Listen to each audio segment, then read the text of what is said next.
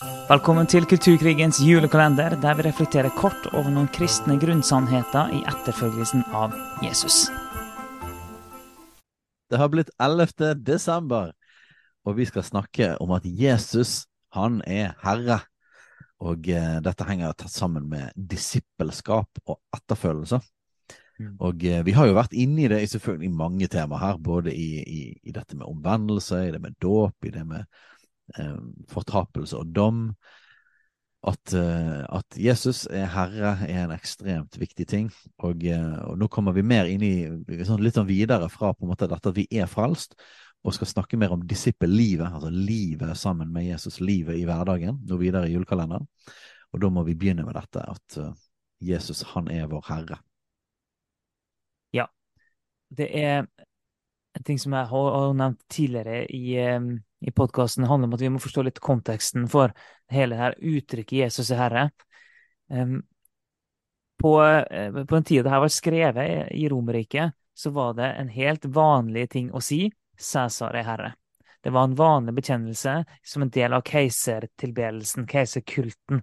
En tilba keiseren, og en sa at Cæsar er herre over verden. Så når da den kristne plutselig begynte å si 'Jesus er Herre', Jesus er herre over verden. Det, da sa han i praksis samtidig at Cæsar er ikke. Så bare ved sin proklamasjon og ved sine liv så begynte den kristne å avvise Cæsars overherredømme og si at nei, det finnes noen andre som er herre over våre liv. Og det er ikke rart at det var truende. Eh, og det er ikke rart at, han at eh, Cæsar ikke ville at det skulle spre seg. Det er ikke noe rart i det hele tatt. For det var en direkte trussel mot hans herredømme. Så det er mer enn bare sånn Ja, Jesus er herre. Nei, det, det var sånn Det var det, det, det, talte makta midt imot. Og det var livsfarlig for dem å si det. Jesus er herre. Men de sa det likevel, og de skrev det hele tida. Ja, og uh, det er jo nesten litt sånn skummelt å snakke om dette, fordi at uh, kontrasten til at Jesus er herre, er jo at vi er hans dulos hans slaver, hans tjenere. Det ble oversatt litt forskjellig, men det er jo ordet for slave.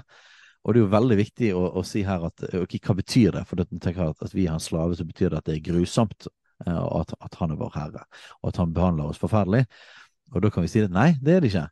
Han behandler oss for fantastisk bra. Han er en kjempegod herre. Men han er vår herre på den måten at han eier oss. Vi, vi bestemmer ikke lenger sjøl. Vårt liv er hans, og det er jo da Han har kjøpt oss. Han har kjøpt oss. Kjøpt oss. Så omvendelsen er at vi, vi, vi, overgir vårt liv til han, at han er vår herre, han er vår sjef, han eier oss. Og derfor kaller jo Paulus seg sjøl òg Kristi slave. Og eh, det kan oppsummeres blant annet i, i dette verset her i Galaterne 2,20. Jeg lever ikke lenger selv, men Kristus lever i meg. Det livet jeg nå lever i kjødet, det lever jeg i troen på Guds sønn. Han som elsket meg og ga seg selv for meg. Så da ser du jo begge sider. For evangeliet er jo hans enorme godhet, den ufortjente nåden som vi får gjennom at Jesus døde og sto opp igjen. Og, eh, men responsen på det er at vi overgir livet til han, og at han blir vår herre. Men han elsket, elsket meg og ga sitt liv for meg, og derfor elsker jeg han tilbake gjennom at han er min herre, han er min sjef og jeg er hans slave, hans etterfølger. Så bare, hver gang jeg sier det ordet slave, så bare Det høres så fælt ut. Men, men, skjønn hva det betyr. Det betyr at han eier meg. Ja. Og det er faktisk bra. Det er godt. Ja, og så for å ta, ta, ta, det der greiene fra en litt annen vinkel, da. Um, for hvis det høres voldsomt ut at Jesus er herre, så kan du òg tenke sånn på det at uh, alle har en eller annen eller et eller annet på herreplassen i livet på førsteplass i livet. Alle har det. Ingen, ingen, slipper unna det. Det finnes ikke et menneske på jorda som slipper unna at en har et eller annet i livet som er nummer én. Og det er, det, det er den plassen Jesus tar, og Jesus krever, kan du si. Og så gir vi den som en respons på hans kjærlighet til oss. Det gjør vi. Så det er ikke noe sånn, uh, Han er jo ingen despot. Det er jo, uh, vi gir han den plassen i våre hjerter som en respons på at han elsker oss. Men det er det det er snakk om. Når Jesus er herre, så betyr det at han er nummer én. Han er på førsteplass. Og da er det også sånn at alt, hver gang Jesus ikke er på førsteplass, ja, da er det en, en avgud da, som er der. Så det at Jesus er herre, det betyr også bare at vi ikke har avgud. For Jesus er faktisk først. Og det å ikke ha Jesus som herre, det betyr at vi har en avgud i livet. Ja, og det er fristende å snakke om marxisme og postmodernisme og sånne ting som vi har snakket om eh, mye i podkasten vår. og Det, men mye av disse ideologiene, og for så vidt liberalismen, er på en måte dette at jeg skal, jeg skal bestemme sjøl. Jeg skal være min egen herre, jeg skal bestemme sjøl. Men Bibelen beskriver jo, sånn som du var inne på, at, at det går egentlig ikke an å bare bestemme sjøl. Å bestemme sjøl betyr egentlig at jeg er syndens slave og djevelens barn. Så, så Du må velge sånn at, hvem sin slave du skal være. ja, det, det, er ikke sånn at vi på en måte slipper unna det. Det er å lure seg sjøl. Uh, så på en måte å følge meg sjøl, det gjør at vi kommer i syndens grep, og vårt liv blir ødelagt. Så alternativet der er at Jesus er vår Herre. Og Jesus sjøl dette er jo ikke bare en sånn Paulus-ting og videre i Det nye testamentet. Jesus sjøl er jo veldig klar og tydelig på etterfølgelse og det å bli hans disippel. Han snakket faktisk ganske mye om det. Blant annet i Markus 8, 34, så kalte han til seg folket sammen med disiplene sine. Jeg kan si at Disippel i seg sjøl, begrepet der, er jo en som følger etter. En som lærer av mesteren, en, etterfølger. Og han sa til dem, den som vil følge etter meg, må fornekte seg selv, ta sitt kors opp og følge meg. For den som vil berge sitt liv, skal miste det. Men den som mister sitt liv for min skyld og for evangeliets skyld, skal berge det. Så her ser vi ganske klart at, at å følge Jesus, være en disippel av han, å være en kristen Disippel er det begrepet som ble brukt først og lengst eh, i apostelgjerningen første kristne tid. Være en disippel av Jesus.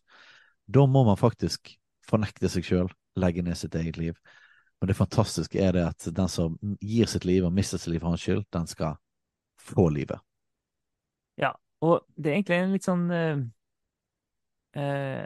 enkel måte å sette opp på, på samme måte som at vi, vi, kan ikke velge om det finnes flere, mange utganger av livet. Det finnes to. Eh, på samme måte er det sånn, vi kan ikke velge hvem vi skal være slave under. Det finnes to. Uh, og vi må velge. Eh, så vi må velge. Skal vi følge Jesus? Skal vi tre inn i det evige livet og eh, være, hans, være Kristi slave? Eller skal vi gå i et, være syndens slave og tre inn i fortapelsen? Altså, det, det, er ikke sånn at du har uendelig mange, mange valg her i livet. Eh, det, sånn, vi må velge Jesus, eller så må vi velge det som ikke er Jesus. Og hva er da det? Så det å ha Jesus som herre er òg at, at en slipper å ha synden som herre.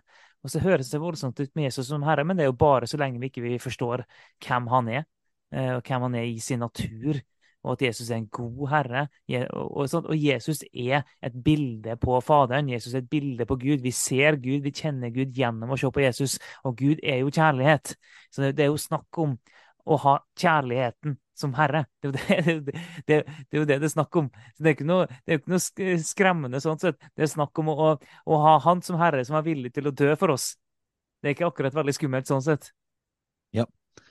Og, og definisjonen av frihet eh, i Bibelen er altså annerledes enn en den, liksom, den, liberale eller marxistiske eller postmodernistiske forståelsen av det.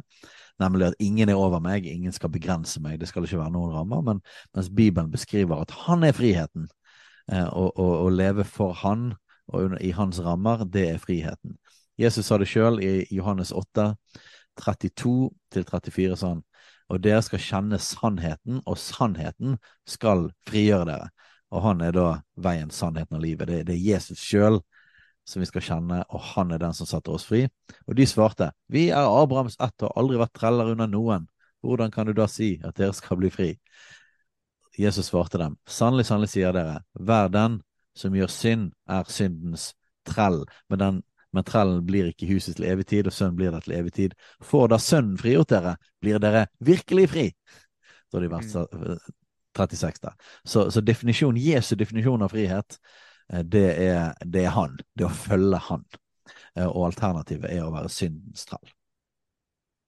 Og jeg anbefaler alle om å bare lese gjennom hele Nyttestamentet. Det anbefaler han naturligvis eh, på generelt grunnlag.